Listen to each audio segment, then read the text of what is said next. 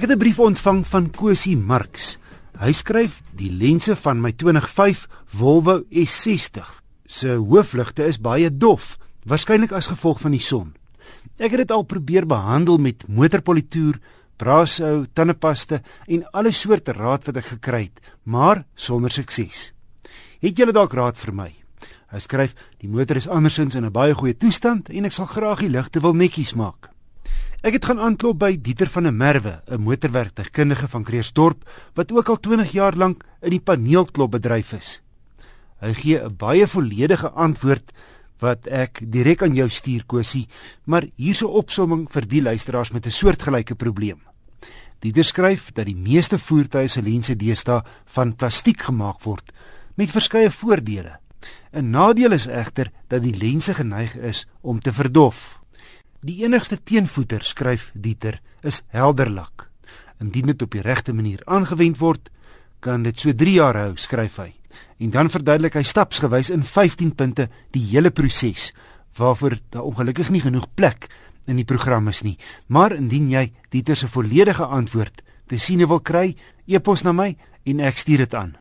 My adres is wissel@rsg.co.za. Skryf ook gerus met enige ander motornavraag na wissel@rsg.co.za. Hyundai se iX35 is reeds 5 jaar lank op die mark en reeds 'n slag opgekikker, maar onlangs so vir ou laaste inspuiting gegee met 'n splinternuwe turbo diesel masjien. 'n 1.7 wat 'n volle R70000 goedkoper is as die vorige goedkoopste diesel in die reeks, 'n 2 liter. Die 85 kW 1.7 lewer voldoende woema danksy 260 Nm wrinkrag vanaf lae toere sonder noemenswaardige turbotraagheid. Gekoppel aan 'n gladde 6-spoed handratkas.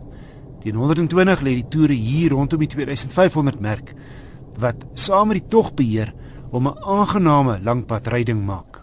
Ek het 'n baie goeie gemiddeld van 6,4 liter per 100 km gemeet op my gekombineerde stad- en snelwegroete en hy is billik toegerus teen R373400 met onder meer 'n leerstuur wat kan op en af en in en uit, ses lugsakke, aantreklike 17-duim alloy wiele en 'n 5 jaar 90000 km diensplan.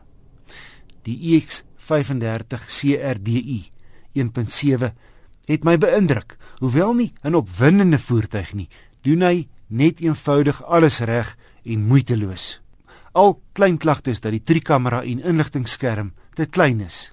Maar hoe lyk die kompetisie in die voorwiel aangedrewe turbo diesel sportnetsklas?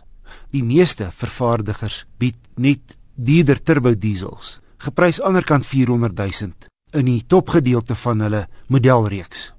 Die goedkoopste Volkswagen Tiguan turbo diesel is teen 369 000 net 'n druppel goedkoper as die Hyundai. As meer woema vir jou belangrik is, is die Mazda CX-5 die aangewese keuse teen 378300 bied hy 'n aansienlik kragtiger masjien as die kompetisie, 'n 2.2 turbo diesel.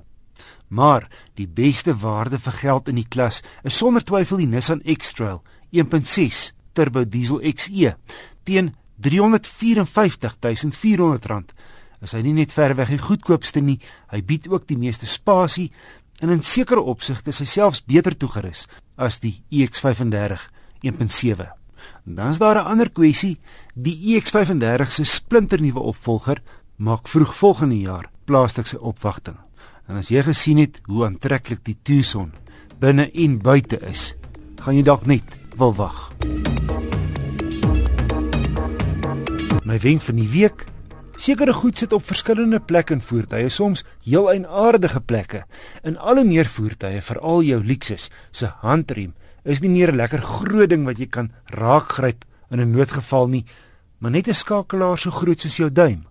My raad is dus wanneer jy in 'n vreemde kar agter die stuur inskuif, maak eers seker waar goed soos die handrem, noodflikkerligte, toeter, ligskakelaar en spieël en stuurverstelling sit voordat jy wegtrek.